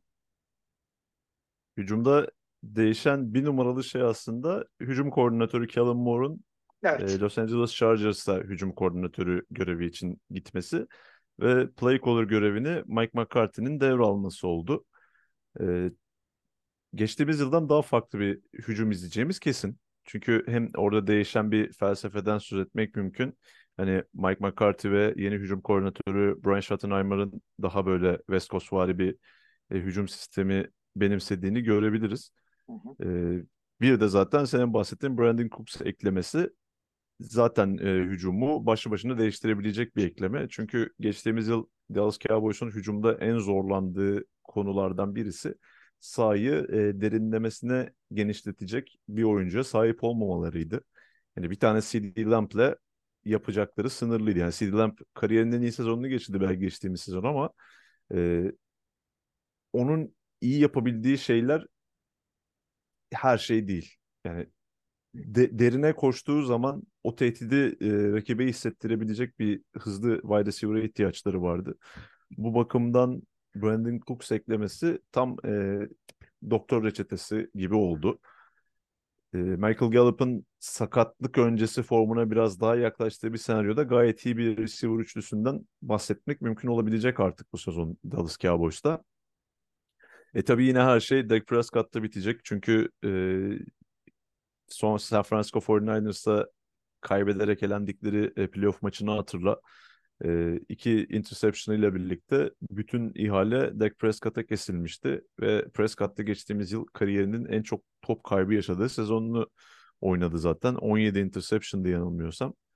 E, geçtiğimiz günlerde bir açıklama yaptı bu sezon işte only interception'lara ulaşmayacağım yani o bir kere olur gibisinden Evet. bir şey söyledi. Ee, şu açıdan önemliydi Dak Prescott'ın geçtiğimiz yıldaki top kayıpları. Ee, Cowboys sadece 22 top kaybı yapmıştı geçtiğimiz yıl. Ligin en az top kaybeden takımlarından birisi ve bunların 17'sinin quarterback'ten gelmiş olması e, takımın belli başlı durumlarda belini ciddi anlamda büktü. Ama e, Prescott'ın tüm bu top kayıplarına rağmen çok da kötü bir quarterback performansı sergilediğini düşünmüyorum ben. E, biraz gereğinden fazla eleştirildi bence. E, bu yıl o top kayıplarını kıstığı zaman daha verimli bir quarterback performansı gösterecektir. E, offensive line'da tabii ki o e, en iyi dönemlerini yaşamıyorlar ama yine çok önemli oyunculardan bahsetmek mümkün. Tyron Smith yaşlanmış olsa da e, geçtiğimiz yıl birinci turda draft ettikleri ve beni çok şaşırtan Tyler Smith'in performansı oldukça iyiydi. Hı hı hı hı. E, Zach Martin'den sen bahsettin zaten. Ligin en iyi guardlarından bir tanesi ama geçtiğimiz gün o da e, kontratıyla alakalı bir kazan kaldırma girişiminde bulundu. E, onun durumunu nasıl idare edecekler o belirleyici olacak. Çünkü Zach Martin'i bu offensive line denkleminden çıkarttığınız zaman kalite birkaç seviye birden aşağı düşebilir. Hı hı. Yani o beşliği bir arada tutan jel konumunda şu an Zach Martin. Ee, hücum potansiyeli oldukça yüksek bir hücum yine. Ee, geçtiğimiz yıl Kellen Moore da biraz e, bundan eleştirilmişti. Yani tam olarak potansiyelini sahaya yansıtamayan bir Cowboys'tan bahsediliyordu. Benim bir merak ettiğim nokta bu sezona dair e, Ezekiel Elliott'ın takımdan ayrılmasıyla birlikte nasıl bir e, koşu performansı olacak? Evet Elliott'ın Cowboys'taki son yılları kariyerinin yılları değildi ve artık çok gerilemiş olduğu hissiyatını da veriyordu ama e, buraya ekstra bir hamle, bir ekleme yapıldığını da görmedik. Sadece 6. turdan Deuce Vaughn draft edildi. Tony Pollard'ın o bahsettiğim 49ers maçında yaşadığı ciddi bir sakatlık var. Sezona ne kadar hazır gelecek? O bir soru işareti. Ki sağlıklı olduğu durumda bile e, Pollard tarzı bir running back'in tüm e, koşu yükünü ne derece sırtlayabileceği bence hala bir soru işareti durumunda. E, bu hücumla alakalı sadece koşu performansı biraz e, bende soru işareti uyandırıyor. Ben de işte söylediğim gibi yani Tony Pollard kağıt üzerinde Elliott varken hani 1A 1B şeklinde olmuşlardı artık bunlar 1 ve 2 o şey yerine. Ee, yani bir şekilde götürüyorlardı. Ama bakalım yani Division zor. Karşıda çok sağlam savunmalar var. Ee, bakalım çevirebilecekler mi? İyi, hücum koçu da Brian Schottenheimer'ı Martin'in oğlu olarak tanıyabilirsiniz. Martin Schottenheimer çok meşhur eski koç. Yakın zamanda kaybettik diye hatırlıyorum. Ee, o da yani ligin oturaklı adamlarından bir tanesi. Kellen Moore'u aratmaz mı? Hep beraber göreceğiz. Ee, hemen savunmaya geçelim. Molaya girmeden önce. Ee, savunma hakikaten bildiğiniz çok sağlam adamlar. Yani sağda solda bilinecek isimlerden oluşuyor. DeMarcus Lawrence hala e, yani defensive end'de, pass rush'ta Mike Parsons'la çok güzel bir ikili oluşturuyorlar orada. Ortaya defense line ortasında birinci turdan Smith'i draft ettiler. Ee, arkada Van, Leighton Van Der Esch işte sağlam bir görüntü veriyor. O da bir, birinci round draftı 2-3 sene öncesinden. Defensive backler arasında Trevon Diggs'i zaten biliyorsunuz. Stephen Gilmore da veteran iyi bir oyuncu orada. Yani neticede safety'lerde işte zincirin zayıf halkası olmayacak ama çıkıp da hiçbirisi de ligin en iyi safety'si olacak tarzda adamlar değiller. İşte Malik Cooper'la Donovan Wilson tanıyorsanız kendilerini. Bence bu benim görüşüm kısaca bu division'da götürür yani. yani çıkıp da e, maçın şey nasıl söyleyeyim e, Super Bowl'da karşılaşacakları AFC şeylerinden e, devlerini durdurabilecek bir savunma mı onu bilmiyorum veya işte e, fikstürlerindeki zorluğu işte QB'leri falan mat edecek gibi ama yani NFC'nin e, ağır yürüyen rakip hücumlarına karşı durdurabilecek, başarı getirebilecek bir savunma olarak görüyorum ben Dallas. Savunmadaki en büyük başarı yine nasıl yapıyor Jerry Jones bunu bilmiyorum ama Dan Quinn'i bir kez daha takımda tutarak evet. gerçekleştirdi bence. Yani en, en önemli hamle oydu. Çünkü iki senedir Dan Quinn çok ciddi head coach adayı olarak e, ismi piyasada geçiyor ve her seferinde de Cowboys'ta kalmaya devam etti. Ve e, her sezon bir önceki sezonun daha da üstüne koyan bir savunma performansı sahaya yansıttı onun ekibi. Bu yılda yine e, bir tık daha yukarı çıkmalarını bekliyorum ben açıkçası. E, çünkü geçtiğimiz yıl zaten çok iyi bir savunmaya sahipti Cowboys. Hücumdaki tüm yıldız isimlere rağmen sezonun çok büyük kısmında takımı taşıyan savunması olmuştu. E, playoff karşılaşmalarında da bunu gördük. E, bu sene de e, benzer bir performans bekliyorum. Çünkü e, hem kaliteli bir kadroya sahipler hem de önemli eklemeler oldu. Yani hücumdaki Brandon Cooks eklemesinin e, savunma karşılığı burada Stefan Gilmore. Her ne kadar e, yılın en iyi savunmacısı seçildiği yıllar geride kalmış olsa da bu yaşında hala bu takıma verebileceği şeyler olduğunu düşünüyorum ben Gilmore'un. Çünkü Cowboys'un geçtiğimiz yıl savunmadaki en büyük zaafı özellikle e, Jordan Lewis ve e, Anthony Brown'un sakatlanmalarının ardından e, Trayvon Diggs'in paralelinde oynayabilecek bir cornerback'e sahip olmamalarıydı ve buradan çok fazla delindiler gerçekten sezon içerisinde. Hani orada Stefan Gilmore'un varlığı ve devamında hani senin biraz yere yerin dibine soktuğun safety ikilisi Malik Cooker ve Donovan Wilson'ın sözleşmelerinin uzat, uzatılmış olması takımı bir arada tutma açısından gayet önemli hamlelerdi. E, Micah Parsons'ın bu yıl e, daha böyle vücuduna kas kütlesi ekleyerek artık tam zamanlı bir pass rusher'a dönüşeceği konuşuluyor. Hmm. E, bu ne kadar e, doğru bir karar olacak Cowboys adına onu göreceğiz.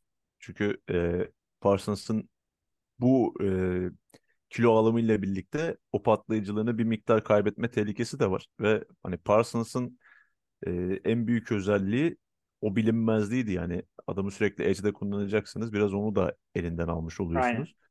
Yani ama e, yine Dan Quinn'in onunla alakalı e, planları olacaktır mutlaka. E, draft ettikleri önemli çaylak isimler var savunmada. Mazi Smith özellikle e, takımın savunmadaki en büyük sorunu belki de koşu savunmasıydı. Ona e, bir nebze çare olabilecek bir oyuncu olarak görüyorum ben. E, Cowboys yine e, hem hücum hem savunmadaki kaliteli kadrosuyla, kaliteli e, koordinatörüyle, ko- koordinatörleriyle birlikte Philadelphia Eagles'ın en ciddi rakibi olacak bu grupta. Evet, e, ben de sana katılıyorum. E, ligi yani Division'ı zorlayacağını düşünüyorum Philadelphia'yı. Son iki dakikamızda e, kalan diğer isimleri de sayalım. Tristan. Vizcaino, kicker'ları var çok önemli. Panther'lar Brian Anger. Hadi madem oradan girdik, e, special teamer'ı da tanıyacaksınız artık. E, Hard Knocks'tan John Fassel. E, koçları zaten söyledik. Head coach McCarthy, Brian Schottenheimer offensive coordinator, Dan Quinn defensive coordinator ve e, Dallas Cowboys'un e, önümüzdeki sezon rekorunu da ben açıklıyorum. 11-6 abi. Bir tane kırmışım. Niye bilmiyorum. Ama 11-6 yazmışım. Ben geçtiğimiz yılki performansı tekrarlayıp 12 galibiyet alırlar diyorum. 12-5 olarak da Görkem Şahinoğlu'nun e, tahminini yazdık. Böbreğini satıp e, ben Görkem dediğini oynayın falan. bahis tavsiye bunlar Yo, bahis ben- tavsiyesi değildir. Biliyorum değil mi? Ta tahminlerde kötüyüm. Evet, e, bu şekilde diyoruz. Washington'a geçmeden önce ufak bir momuz daha olacak. Evet arkadaşlar son derece heyecanlı bir kayda devam ediyoruz. Heyecanlı çünkü e, ben eve laptopu getirirken şey getirmemişim, şarj aletini getirmemişim. Zamanla karşı ufakta bir yarışımız var. Ama çok güzel denk geldik. E, madem sonuncu takımımıza geldik, ben de mahalle maçında en son en kötü adamı seçen takım kaptanı gibi Washington Commanders'ı seçiyorum. Hiç başka şansım varmış gibi. Washington Commanders geçen seneyi 8-8-1 olarak tamamladılar. Podcast'ın başında da anlattığımız gibi bir takım sahibi değişikliğine gittiler. Türlü türlü kontroversiler işte e, saçma sapan durumlar yaratan Dan Snyder'a veda ettiler. E, acaba ama playoff'lara merhaba diyebilecekler mi? Beklentileri o yönde. Takımın QB'sinin artık Sam Howell olarak başlaması kesin gözüyle bakılıyor. Running back'te Brian Robinson e, geri döndü. Receiver'da belki hücumun en iyi oyuncusu Terry McLaurin ve Jahan Dotson var. E, yanlarında Curtis Samuel. E, tight end'leri Logan Thomas'ı biliyorsunuz artık. Detroit'ten zamanında gelmişti. E, takım bu şekilde. E, ne diyorsun? Var mı bir e, parlak bir görebildiğim bir şey takımla ilgili? Takımla ilgili gördüğüm en parlak şey Dan Snyder'dan artık kurtulmuş olmaları. evet. Ge- gelecek mutlaka çok daha iyi olacak Washington için. Yani bunun daha da altına inmeleri çok zor. Ee, ama bu gelecek iyi Ne olan gelecek. Ne ne zaman gelecek? Önemli olan soru bu. Ee, burada da tabii büyük bir bilinmez var. Çünkü Sam Howell sadece şu ana kadar kariyerinde bir tane maça e, ilk 11 başlamış bir oyun kurucu. E, ona güvenecekler.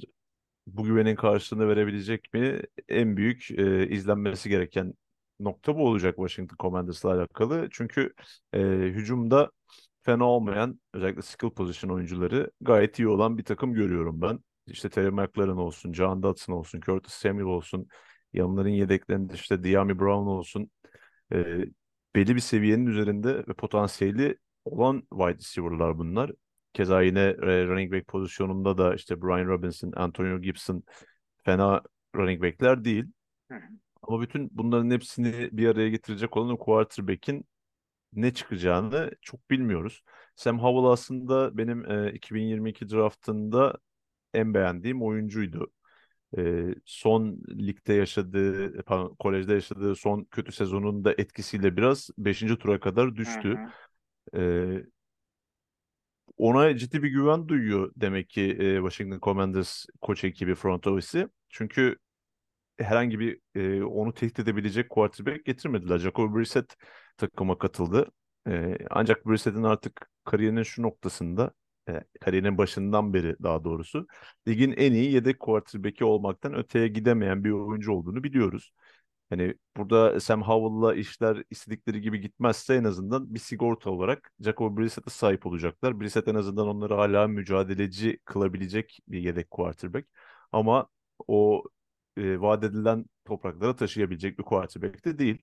Tabii Sam Howell'ın bunlar e, lige gelmeden bir iki sene önceki o e, yüksek potansiyelli oyuncu e, profilini doldurmasını bekleyecekler. Bu mümkün mü? Mümkün ama yani %50 %50 gibi görüyorum ben. Hı. Ne kadar ileri gideceklerini de Sam Howell'ın performansı belirleyecek doğal olarak. Ona ben de katılıyorum. Sanal tabii ki de oynadığı zamanı düşünürsek ve senin de anlattığın gibi nedenle 5. turdan draft edildiği için hakikaten ne olacağı çok belli değil ve bu takım öyle bir durumda ki şu anda aksayan bir takım yerlerinden dolayı eee, bu, bu çocuğun çok daha iyi oynaması gerekiyor. Özellikle Division'daki rakiplerine de saydık. Hakikaten sıkıntılı bir Division'dalar şu anda. Eee, yani o adamın oyununu 1-2 gömlek artırması gerekecek.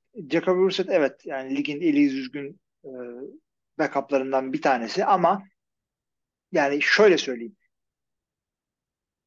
Kansas City'de işte Patrick Mahomes 3 hafta maç kaçırdıysa yerini doldurur işte iki maç alır birini kaybeder falan işte takımı yani playoff yolunda tekerleği kırmaz ama bu takımı nereden nereye götürüleceği yani rekabetçi bu division'da en azından rekabetçi tutmak hakikaten çok zor.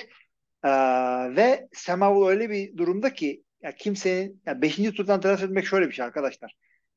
Yani çaylak sezonunda çaylak sezonu değil de doğru dürüst ilk starter olduğu sezonunda e, gözünün yaşına daha az bakıyorlar öyle söyleyeyim. Yani ondan çok daha çabuk vazgeçerler. Atıyorum bir işte bu sene yeni starter olacak kimler varsa Jordan'la falan. Ona birazcık daha e, sabırlı davranacaklardır. Ama senin de dediğin gibi yakından bildiğimiz ve e, yani kalbur üstü bir skill position grubu var. Logan Thomas yani bütün söylenenlere rağmen benim hakikaten sevdiğim bir tight orada. Terry McLaurin, e, John Dawson hepimiz biliyorsunuz. İşte Curtis Samuel, Diana Brown bunlar sağlam yetenekler. Running back'lere de katılıyorum. Yani yeri geldiğinde bu ikisinden çok güzel performanslarda gördük maç maç. Bunları sezon geneline yayarlarsa Alo. yani ne kadar kaçırdın? Nerede en son duydun beni? Jacoby Brissett Ha tamam. Aynen aynen. aynen. Tamam. Ee, şey e, sıkıntı yok. Oradan sonra da şunları söyledim zaten. Ee, skill position'ların ba- bana bir şey sormadıysan tamam. Yok sana bir şey sormadım zaten. Bir anda Zoom abi bağlandım diyor. Yani zaten bağlı değil miydik? Hayırdır falan. Aa, şey skill position'da eli yüzü düzgün adamlardan oluşuyor. Terry McLaurin, Dawson. falan diyordun evet. Evet evet. Ee, işte Curtis Samuel, Dema Brown bunlar sağlam adamlar. Şunu söyledim. Brian Robinson running back'te ve Anthony Gibson e, yeri geldiğinde çok güzel e, 3-4 maç serileri e, izletti bize. E, ve bunları e, bir sezona yayabilirlerse eğer e, bu sezon yani Washington'dan rekabetçi kılacak bir hücum performansı seyredebiliriz. Alıp division'ı götürür bir takımı değil bence. E, maçta kaybedecekler bayağı. E, ve fakat takımın sahibinin değişmesi e, orta vadede ve uzun vadede faydalı bir şey olsa bile takım için bu sezon bir belirsizlik ortamı getirecek. Çünkü takım geldiği zaman çünkü Josh Josh böyle takımı satın aldım işte e, bir tane e, general manager bir tane de president koydum. İşte ondan sonra maç seyrettim adamı değil. Josh ve e, ve takımın ownership grubu, sahip grubu işte o grup e, dahil olmak isteyecektir ve böyle bir değişim ortamlarında insanlar bir e, şey belirsiz oynarlar. Bazıları o baskıyla birazcık daha oyunlarını artırırlar. Bazıları da e, kafası soru işaretinde olan takıma odaklanamazlar falan. Zorlayıcı bir e, sezon geçirmelerini düşünüyorum. Ama bu daha savunmaya gelmeden e, ettiğim bir laf. E, savunmada yine nispeten hücumdan daha iyi playmakerlar olduğunu düşünüyorum Washington'da. Ya bunlar arasında artık e, tabii ki de Jonathan ve Darren Payne takımın savunma line'ın içerisinde interior defensive line dediğimiz çok sağlam oyuncular. Pass rush'ta Montez Sweat ve Chase Young hakikaten eli düzgün iki tane e, oyuncu. Chase Young özellikle yani draft edildiğinden beri hiç boş sezonu geçmedi. E, linebacker'larına direkt atlıyorum ama şeyde e, cornerback'te e, Kendall Fuller hakikaten e, başka bir Kyle Fuller olan Kyle Fuller kalitesinde oynuyor. Öyle söyleyeyim. Safety'leri de yani ligin yine kalburüstür. Safety'lerinden çok fazla isim sayarak kafanızı karıştırmak istemiyorum ama e, defensive back'ler aynı zamanda bu draftta çok da sağlam bir yatırım yaptılar. Emmanuel Forbes ve Jartavius Martinez draftladık birinci ve ikinci turdan. Jartavius neymiş arkadaşlar? Yani AI, AI mı seçiyor bu çocukların isimlerini? ya Jartavius. bir tane harf değiştiriyor. Martavius, Jartavius. Hayret bir şey ya. Neyse yani sen ne diyorsun? Bu savunma bayağı playmaker'ları var ve e, Jack Del Rio defensive coordinator. Hakikaten çok sağlam bir coordinator kendisi. E, ne diyorsun? Var mı? İş yapar mı? Ya savunma bu 2-3 sezon önceki e, performansı yakalarsa bu yıl şaşırmayacağım. Biliyorsun o yılda e, İbiş Division, Division'ın Ha, hakkını evet. vererek e, mağlubiyet yani galibiyet sayısı galibiyet sayısından daha az bir şekilde grubu kazanıp playoff'a kalmıştı. Washington o zamanki adı Redskins miydi, futbol tim miydi hatırlayamadım şu an. Washington diyelim. E, muazzam bir savunma performansı vardı o yıl. E, ki o da Chase Young'ın son böyle maç kaçırmadığı ve çok üst düzey oynadığı sezona denk geliyor. Ee, sezon başında Chase Young'ın 5. yıl opsiyonunu kullanmayarak biraz şaşırttılar Evet. aslında. Ama onda da biraz e, son iki yılındaki sakatlıkların etkisiyle çok az oynamış Hı hı. olmasının da e, payı olduğunu düşünüyorum. Bir de e, Chase Young olmadan da bu savunma belli bir seviyenin üzerinde oynayabiliyor'yu gördüler bence. Çünkü e, Darren Payne'e verdikleri Evet.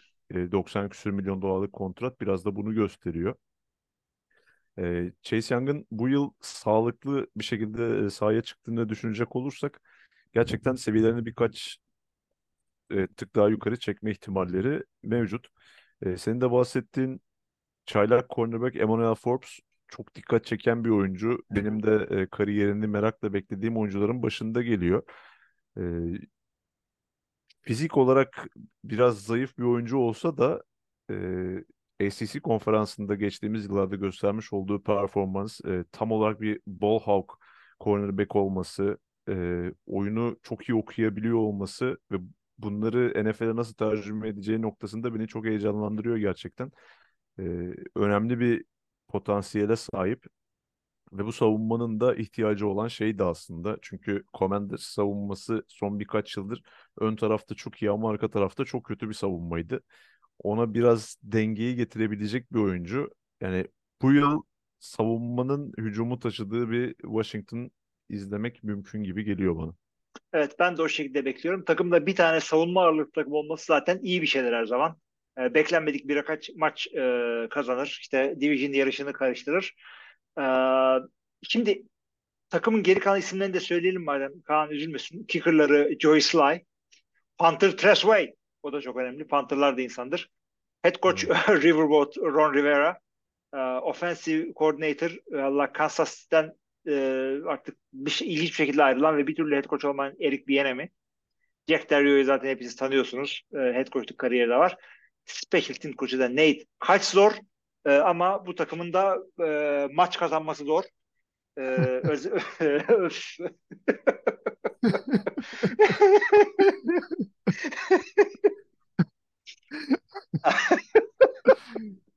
Bekliyordum böyle bir şey.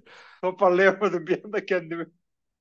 Ay ay ay. Ee, ve bütün bu söylediklerimize rağmen sen olumlu da konuştun bir takım şeylerde ama bir takım her division'dan bir takımı gömmek benim e, kontratımda yazıyor NFL TR ile ilgili. Washington maalesef bu sene bu takım olacak ve bu takımın 5 maç kazanacağını öngörüp 5-12 diyorum ama 5-11-1 olursa da şaşırmam. Sen ne Tam öngörüyorsun tam, Washington'a? tam benim hakkım aklımdaki e, galibiyet sayısını söyledin. Evet. 5-12 mi Mi- yazıyorum yoksa? Mie- Miami, Eric Miami. Bieniemy. evet. Yani onun da aslında Washington'a gelmesi biraz e, kendi rüştünü ispatlama konusunda kafaya ne kadar taktığını gösteriyor. Çünkü yıllardır ligin en iyi hücum takımının başındaki isim olmasına rağmen oradaki bütün payı Andy Reid alıyordu. Yani Andy Reid'siz de ben başarılı olabilirim. Andy Reid'siz de e, kaliteli bir hücum koçuyum iddiasını kanıtlayabileceği bir takıma gelmek istedi. Ve e, ne olduğu belli olmayan bir quarterback'in e, quarterback'liğini yaptığı takımda net bir şekilde bunu gösterebilir bize. O açıdan e, Bieniemy'nin performansını ve bu takımın hücumunu ne kadar üst seviyeye çekebileceğini izlemek de keyifli olacak. Evet. O zaman sana da 5-12 yazıyorum Washington'la ilgili.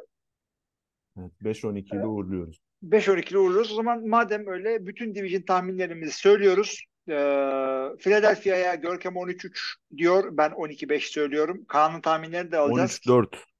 13 evet. Bir maçı niye eksik söyledim falan. Sonra kızıyorum bir de. 13-4 Şey, e, 13-3-1 mi diye yapalım onu? Onu, onu mu madem istiyorsun? yani Allah söyletti. 13-4 Görkem veriyor. Ben 12-5 veriyorum. E, sonradan bir daha bakıyorum. Evet 17'ye ekleniyor. Matematiğim iyidir. E, Dallas'a 12-5 veriyor Görkem. Ben 11-6 e, vermişim. Gamlı baykuş gibi.